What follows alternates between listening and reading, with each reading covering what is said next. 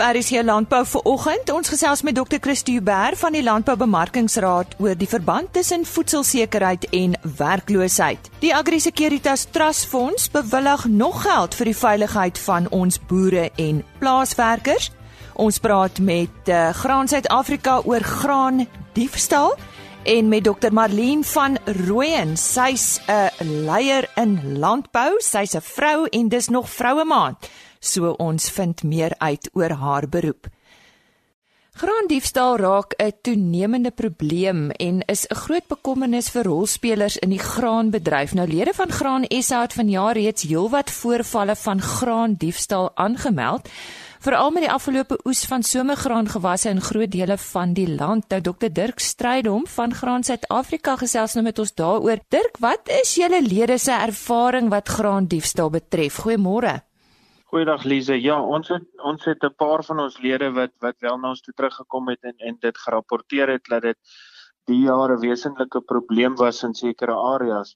Ehm um, en dit het dit het gestrek van verskillende tipe diefstal af van van gewone groenmielie diefstal waar dit in in sakke gepak word en weggery word tot groter diefstalle waar 'n uh, 'n uh, hele voertuig basies gesteel is in term van met graan op. En en dit het vir ons 'n wesenlike risiko en 'n wesenlike impak as mens net kyk na na die finansiële posisies waar ons tans is en die die mate van geld waarvan 'n ou praat. Ja, wat is die omvang van die diefstal gegee word die verskillende scenario's waarvan jy nou gesels het? Ja, die die die die die, die grootste een dink ek is is wanneer dit nou by die finale oes is en dit sien ons vind vind gewoonlik plaas by by plaaslaai tipe modelle. Ehm um, waar 'n hele trok basies gesteel word en dan as mens daai gaan uitwerk is dit maklik in die orde van meer as 80000 rand op beslag. Ehm um, en dit dit is regtig 'n groot 'n groot probleem in terme van dit. So mens moet seker maak dat mens dit reg bestuur in daai opsig om daai goed te verhoed. Wat is die redes vir die toename in graandiefstal? Ja, daar ek dink daar's verskeie redes. Die die een rede is is natuurlik die ekonomiese druk wat daar buite is en ons weet oomblik wanneer daar ekonomiese druk is, dan sien nou al hoe meer meer kriminele aksies op alle gronde, nie net binne in landbou nie. Maar dit is ook die die mate van waarde nê die die die graan het het, het 'n baie hoë waarde as 'n ou in daai opsig kyk en dit beteken daar's geleenthede vir kriminele om dit uit te buit. En uh, watter impak het dit op die bedryf? Ja, ek dink op die impak op die bedryf is dit is dit alweer ekstra addisionele kostes. Ehm um, dis nuwe kostes wat moet bygesit word. So so een is op 'n reeds uh, stelsel wat baie hoë koste draand is, is dit addisionele kostes wat moet bygesit word in term van die verhoed hiervan. Ehm um, en natuurlik as die diefstal selfs plaasvind, ons is op 'n stadium in landbou waar mens optimaal moet produseer en jy moet letterlik elke ton kan benut. En die oomblik wanneer diefstal bykom, dan maak dit dit moeilik om daai verliese te akkommodeer. Dirk, watse raad het julle aan produsente, voorkomingsraad? Ja, ek dink die die voorkomingsraad is in term veral van plaaslaai aksies. Ehm um, is om seker te maak dat as as plaaslaai plaasvind, dat jy presies weet watter watter ehm um, voertuie kom na jou plaas toe. Ehm um, laat dit gerapporteer word, dat jy weet wat die registrasienommers is, dat jy ook weet wat die wat die wat die drywer se inligting is en dan ook om daai daai vervoer ehm um, die vervoer blaadjies noukeurig in te vul om seker te maak dat dat daai vervoerpermitte reg is en dan ook om as 'n oue skaal het om seker te maak dat jy die die vragte weeg ook op jou plaas as jy die beskikking het van 'n skaal en dan die die belangrikste van dit als is om om noukeurige rekordhouding te hou. Nou dit is waar die uitdaging binne in graan is. Die oomblik wanneer ons begin oes, dan dan raak dit druk en dan dan gebeur goed vinnig. Ehm um, maar maar die belangrikste is om seker te maak dat jy ten alle tye bewus is van van wie op die plase beweeg en watter voertuie op watter tye daar moet wees. Nou daai het dit. Dit is dan raad van uh, eh, Dr Dirk Strydom van Graan Suid-Afrika oor graan diefstal. Nou vroue maand staan einde se kant toe en uh, soos jy weet in landbou is daar baie vroue wat uh, baie hard werk. Wat seefuur wat uh, leidende rolle vertolk, maar wat ook net uh, gewone landbouers is wat 'n verskil in Suid-Afrika maak en wat ook uh, bydra tot voedselsekerheid in ons land. Nou ek gesels vandag met Dr Marlene van Rooyen. Sy werk vir Cortiva en sy gaan ons bietjie vertel van hulle, van haar rol en so 'n bietjie van haar loopbaan en hoe dit is om as 'n leier in landbou te wees, hoe sy daar ook uitgekom het. Marlene gesels kortlik met ons oor Cortiva. Wat is julle besigheid? Goeiemôre. Goeiemôre Lise en luisteraars en baie dankie vir die geleentheid. Um in kort ons maatskappy Corteva Agri Science is 'n suiwer landboubesigheid wat fokus op saad, gewasbeskerming en digitale landbou. Ons navorsing se oorhoofse doelstelling is innovasie en dit is iets waarop ons baie trots is. Maar ons doel is ook om die lewens van produsente en die verbruikers te verryk om die vooruitgang vir die toekomstige generasies te verseker.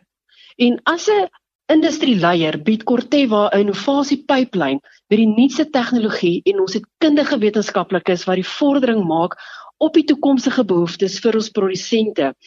En ons navorsing is vir ons baie belangrik en ons aspekte ook waarop ons fokus is gerigte teeling, saadbehandeling, gewasbeskerming en digitale landbou.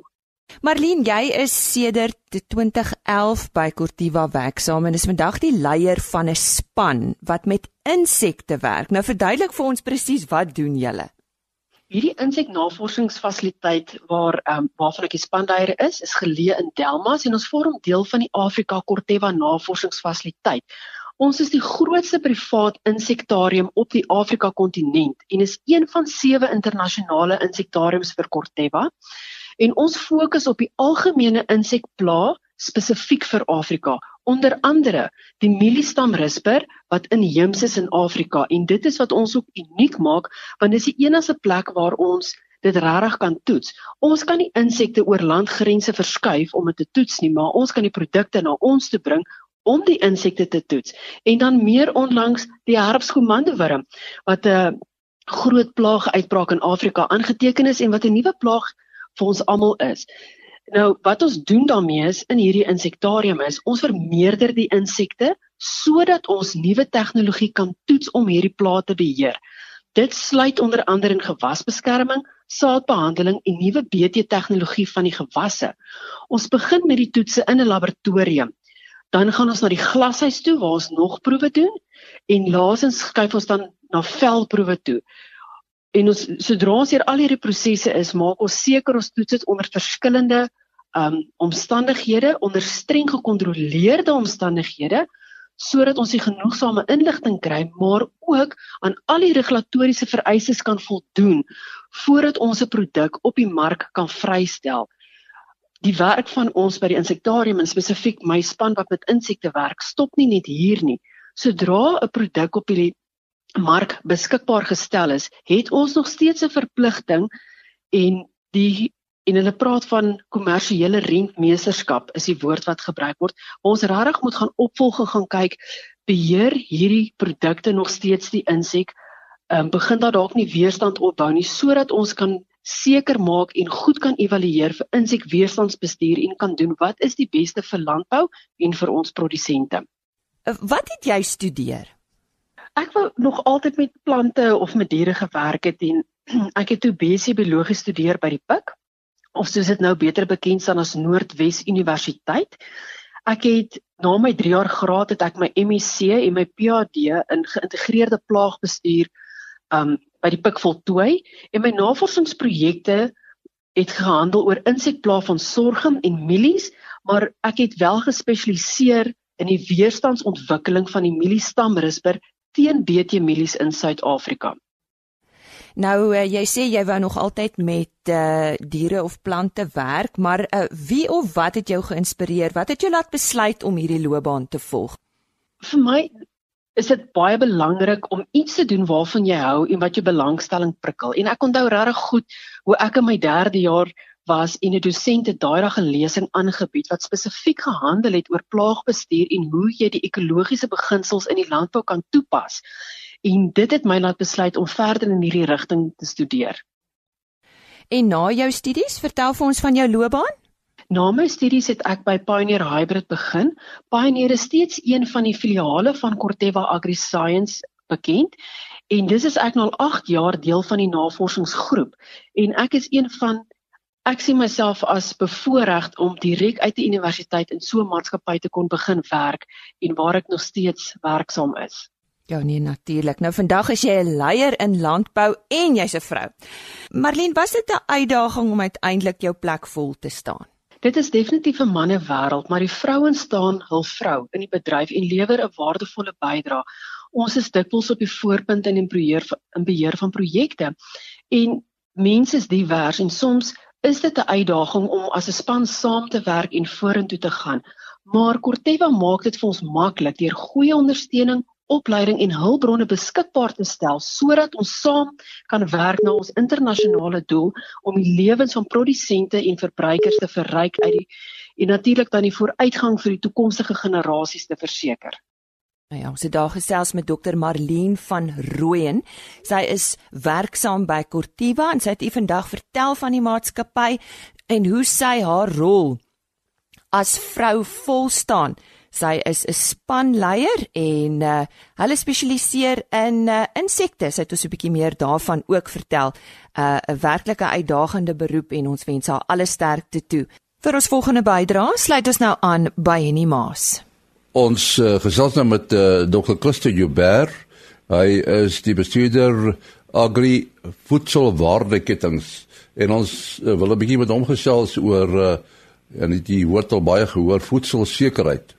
Christo, voedselsekerheid. Uh wat is dit presies en hoe kan dit gekoppel word aan byvoorbeeld werkloosheid? Al die twee gaan hand aan hand hier. Eers goeie dag aan aan jou en goeie dag aan die luisteraars. Die twee terme gaan hand aan hand of die situasie of toestand. Ehm um, as ons kyk na wat voedselsekerheid fisies beteken, dan beteken dit die toestand wat 'n land ervaar op 'n sekere tyd in terme van beskikbaarheid van voldoende voedsel die volhoubare toegang tot voedsel, bekostigbaarheid van voedsel en dan ook aan die einde van die dag die voedselheid daarvan. Nou toegang tot voedsel word gekoppel aan armoede en werkloosheid. Ehm um, want sodra soos wat ek gesê het, ons kyk na volhoubare toegang sodra ou die geld het of besteedbare inkomste nie, dan is dit 'n beperking om om toegang tot voedsel te kan te kan kry of te kan ontwikkel. En dan raak jy begin jy afhanklik raak van maatskaplike toelaas, of van vriende en familie om voedsel in die hande te kry. So dit is waar die twee koppel aan mekaar. So dis baie belangrik dat 'n land se werkloosheidsyfer ehm um, in lyn is en dit dit help aan die einde van die dag met voedselsekerheid. En en voedselsekerheid kan mense dit meet? Ja, daar's basies 5 maniere wat gebruik word om voedsel uh, voedselsekerheid te meet. Die eerste een is waar die Food and Agricultural Organization 'n metode gebruik om te kyk wat is die beskikbare kalorieë op nasionale vlak. Dan die tweede een is huishoudelike inkomste en uitgawe opnames. Die derde een is die eetname van individue. En dan is daar ook 'n maatstaf wat gebruik word wat hulle noem die antropometriese maatstaf wat hulle gaan kyk oor tyd hoe ontwikkel 'n mens, jou lengte, jou gewig en so voort. Dan verder is daar ervaringsgebaseerde metingskaal vir voedselsekerheid wat ook wat ook gebruik kan word om om te kyk na voedselsekerheid. En uh, as mens na voedselsekerheid kyk, uh, hoe vergelyk ons met die res van die wêreld? Ons vergelyk nie so baie baie goed in terme van van van ons voedselsekerheid nie. Daar's baie wat gedoen kan word, maar ons is ook nie die slegste af op hierdie stadium nie. Vinnig as ek net aan die syfers dink, staan ons op 44ste uit 130 lande plus minus wat wat tog wys dat dat daar toegang tot voedsel is, maar ons kan dit baie baie verbeter. Hoe kan 'n mens werkloosheid meet? Wel die eerste werkloosheid is gewoonlik 'n syfer wat wat die persentasie beskryf of 'n koers beskryf van hoeveel mense sonder werk is in jou teenoor jou werksbare populasie. Nou Suid-Afrika se werkloosheidssyfer het in die tweede kwartaal van 2019 met 1.4 persentasiepunte tot 29% gestyg. Hierdie is die hoogste wat ons nog ooit ervaar het. En uh, hoe vergelyk ons met die res van die wêreld wat wat hierdie werkloosheid betref? As jy ou gaan kyk, as eintlik twee punte wat ek hierso wil wil opbring. Ons is swakker, ons het nie soveel verswak van ons van ons vorige kwartaal af nie. Ehm um, om dit so te stel, maar as ons gaan kyk hoe ons in die wêreld lyk, is ons is ons is ons die swakste op hierdie stadium. En ons lande, die naaste lande wat die wat die FAO se indeks uitwys, is lande soos Griekeland, Spanje, Italië ensovoorts. Maar die algemene norm is dat mense rondom 'n 5% voedselsekerheid wil hê en dit is baie moeilik om dit reg te kry. Wat weerspieël uh, statistiek is as uh, onlangse syfers oor werkloosheid? Landbou het se werkloosheid het basies in 'n mate bietjie afgeneem, maar die mense wat in die landboubedryf is het toegeneem. Nou wat vir my mooi is aan die een kant as ons gaan kyk na die handelsomgewing, daar het ons 'n 6.5% jaar op jaar groei gesien. En ons het op die finansiële en besigheidsdienste sektor 'n 4% gegroei. Maar industrie soos die mynbou en die vervaardigingssektor of die mynbousektor het 12% jaar op jaar afgeneem. Vervaardigingssektor het 'n klein bietjie toegeneem wat my ook wys daar kom bietjie meer vervaardiging in en ek het nou ehm um, ek het die ek het die handelssyfers ook nou genoem wat vir sê dat ons dat dat daar tog in 'n mate bietjie ekonomiese groei kan kan plaasvind wat natuurlik vir ons baie belangrik is om aan die einde van die dag werkloosheid af te bring. Ja, wat gebeur as mense nou voedselsekerheid het en so ook werkloosheid in die ekonomie as dit nou verswak? Daar's klomp goeders wat kan gebeur. Daar's meer mense raak afhanklik van die staat. So dit plaas meer druk op die staatsfiskus. Ehm um, en verdere sosio-ekonomiese verantwoordelikheid. Nou ons sit in 'n omgewing met hoeveel 18 miljoen mense wat toelaas kry, 17 na 18 miljoen mense wat toelaas kry en ons weet wat se druk dit reeds op die regering plaas.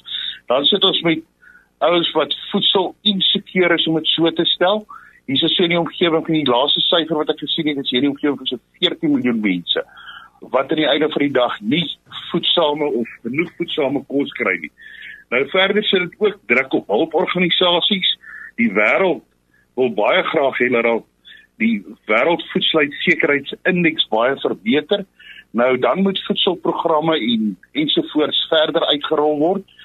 Dan die die ehm um, ondervoeding raak 'n realiteit wat glad nie goed is vir enige menslike ontwikkeling nie. Hongersnood kan intree. Ek het nou-nou toe lees ek die beleidsmaatreëls wat gelei tot die grootste hongersnood in China wat hulle praat van al miljoene mense dood gegaan het net as gevolg daarvan. Nou verder kan dit lei tot onluste, dit kan lei tot anargie, ekonomiese krisis. So ou wil wegbeweeg. Jy wil kyk dat jou land se mense genoeg kos het. En wat kan die regering doen om uh, om voedselsekerheid en werkloosheid te verbeter? Daar's 'n hele rits lys van van wat gedoen kan word. Eerste een wil ek sê ondersteun jou landbou. Kyk dat jy 'n volhoubare landbou stelsel het. Tweede maak dit makliker om besigheid te kan doen. Ons het soveel regulering in ons stelsels. Ehm um, van arbeidsregulering tot om 'n klein besigheid oop te maak. Dan so, daar ons ons wil sien dat daar minder regulering aan die einde van die dag inkom. Dan haal ons sekerhede uit die stelsel sodat investering en ontwikkeling kan plaasvind. Fokus op aangeleenthede soos regte regte van grond, regte van water, regte van kapitaal, direkstel kapitale investering ensovoorts laat laat dit gesyfkaart word om so te stel. Ontwikkeling van 'n omvattende wetgewing wat die voedselstelsel toelaat om in die totale hele voedselstelsel in Suid-Afrika te gesels. Nou ons het nie 'n slegte voedselstelsel nie. Ons het eintlik 'n baie goeie voedselstelsel. Dan verder bewusmaking en die eetprogramme. Ehm um, ons moet opstaan en besef dat daar drastiese stappe en werkbare programme geïmplementeer moet word. Ons moet nie die raamwerk gaan skep en so sien ons moet regtig voor kyk dat hierdie raamwerke geïmplementeer word. Dan onderbenutting, toegang tot grond en ander hulpbronne soos kapitaal, arbeid, ehm um, ondernemingskap, daai ehm um, aspekte moet aangespreek word en kyk dat ons dat ons ek ekonomie groei dan sal ons ook sien dat werkloosheid verbeter en dat ons meer voedselsekerheid sekerheid in die land sal hê. Ons sê baie dankie aan nog die Christo Joubert van die Nasionale Landboubemarkingsraad. Dankie Henny. Die veiligheid van ons boeregemeenskap in Suid-Afrika is uh, natuurlik altyd prioriteit en veral vir die Agri Securitas Trust Fonds. En uh, daarom het die Trustfonds pas weer geld bewillig om nagenoeg 420 boere en 15500 plaaswerkers reg oor Suid-Afrika te help beveilig deur 'n geldelike skenking van meer as 1,5 miljoen rand aan 12 boereverenigings. Nou ons gesels vandag met Kobus Visser van Agri SA hieroor. Kobus, ja, die vraag is 12 boereverenigings, hoe bepaal julle aan wie moet geld gegee word? Goeiedag. Goeiedag Lise. Die trustfonds bepaal dit nie, maar wat wel gebeur is dat boereverenigings sal 'n uh, versoek rig aan hulle provinsiale organisasie wat dan kyk na die versoek, dit evalueer of dit voldoen aan die riglyne wat beskikbaar gemaak is deur die trustfonds waar volgens versoeke uh saamgestel moet word. Saam met die versoek word dan ook kwotasies verlang van 'n diensverskaf van diensverskaffers om te bevestig wat die koste sal wees van die veiligheids ehm um, maatreëls wat hulle wil implementeer. Sodra die provinsie dan tevrede is, sal hy dit aanbeveel want hulle soek ook 'n aanbeveling van die van daai betrokke provinsiale organisasie om te sê hulle beveel dit aan en dan sal die raad van trustees dan oorweging gee daaraan en 'n toekenning van fondse maak. Nou 1,5 miljoen rand is 'n groot bedrag. Waar kom hierdie geld vandaan, Kobus? Dit kom oorsaaklik uh, van skenkings, donasies en dan ook strategiese vennootskappe wat die trustfonds met maatskappye in die land gevestig het wat oor jare al die trustfonds finansiëel ondersteun. So watter boereverenigings uh kry dan hierdie geld hierdie keer? As ek vinnig kan kan sê dan is kyk ons na Noordwes was dit uh AgriFosters Hoop uh, wat 'n kamerastelsel gaan oprig.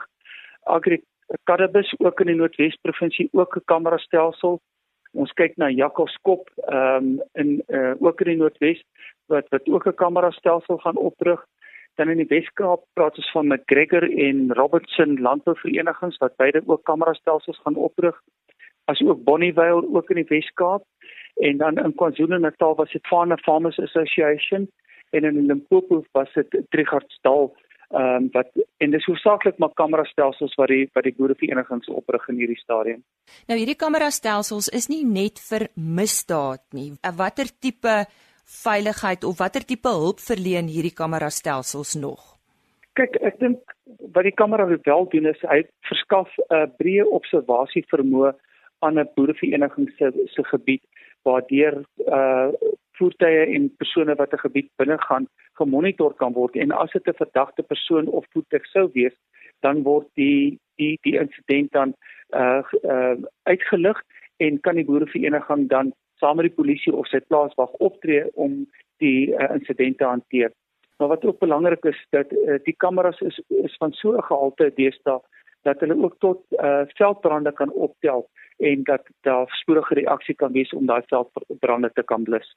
En dis vir vee diefstal ook, is ek reg, want dis nogal 'n groot probleem. Ja, want jou vee word maar gewoonlik deur voertuie in en uit 'n gebied geneem, so dit monitor dan dit ook en dan saam met dit ook wild diefstal uh en en en wildstropery wat daardeur gemonitor kan word. Kobus vir die van ons luisteraars wat nou nie weet uh wie die Agri Securitas Trust Fonds is nie. As jy net vir ons weer so bietjie kan vertel van wat se werk julle doen? Ja, die Trust Fonds het sy ontstaan gehad in Oktober 1998 tydens 'n plattelandse veiligheidsberaad met oud-president Nelson Mandela as die voorsitter. En by daai geleentheid is daar toe besluit dat daar na alternatiewe bronne gekyk moet word en hulp wat aan die boerderygemeenskap gegee kan word. En dis toe waar Agri SA in 1999 toe die Agri Securitas Trust Fonds uh, bekend gestel het en dan dit gebruik as die voertuig om boereverenigings te help met hierdie tipe van befondsing om hulle veiligheid te verbeter. Hoofsaaklik word daar uh, deesdae gekyk na kamerastelsels, kommunikasietoerusting om beter kommunikasie te bewerkstellig in 'n gebied. Ons kyk ook na die verskaffing van koelvaste baadjies aan persone wat gewoonlik by 'n reaksie mag of van 'n plaas wag by betrokke is. Ehm um, dit is maar hoofsaaklik die tipe van toerusting en dan kyk mense natuurlik ook na goed soos nagsig toerusting en ons het al uh, in sekere gevalle hommelvoertuie wat vir landelike veiligheid gebruik word vir finansier. En dan is daar ook uh mense wat ander bystaan wat deur misdaad geraak word, is ek reg, soos berading en so aan. Dis reg ja, ons het met uh, Reformanda Beradingsdienste in Potchefstroom 'n reëling uh waar ons dan in boerevereniging verband of weer op versoek van 'n provinsiale organisasie van die provinsie moet uh die aansoek van die boerevereniging hanteer en as hulle oortuig dat is dat berading nodig is, dan uh sal die berading verskaf word wat dan gefinansier word vir die deur die deur die uh, Agri Securitas Trust Fonds. Ja, dit sê Kobus Visser, hy's van Agri SA, hy het ons vertel van die Agri Securitas Trust Fonds wat nog geld bewillig het vir uh, veiligheid van ons boerderygemeenskap. Dis aan RC Landbou vir vandag. Sluit gerus môreoggend weer by ons aan. Kom ons vertel jy wat hier dan te wagte kan wees. Ons uh, gesels weer met Graan Suid-Afrika en hier onder meer oor die handelsoorlog tussen China en die VSA en die impak op ons uh, landboubedryf. En het jy al gehoor van die blom Lagenalia? Die LNR doen uh, waardevolle navorsing oor hierdie blom en ons vertel u meer daarvan môreoggend. Ons sien uit na môreoggend se kuier. Totsiens. RSG Landbou is 'n produksie van Plaas Media. Produksieregisseur Henny Maas. Aanbieding Lisa Roberts. En inhoudskoördineerder Jolandi Root.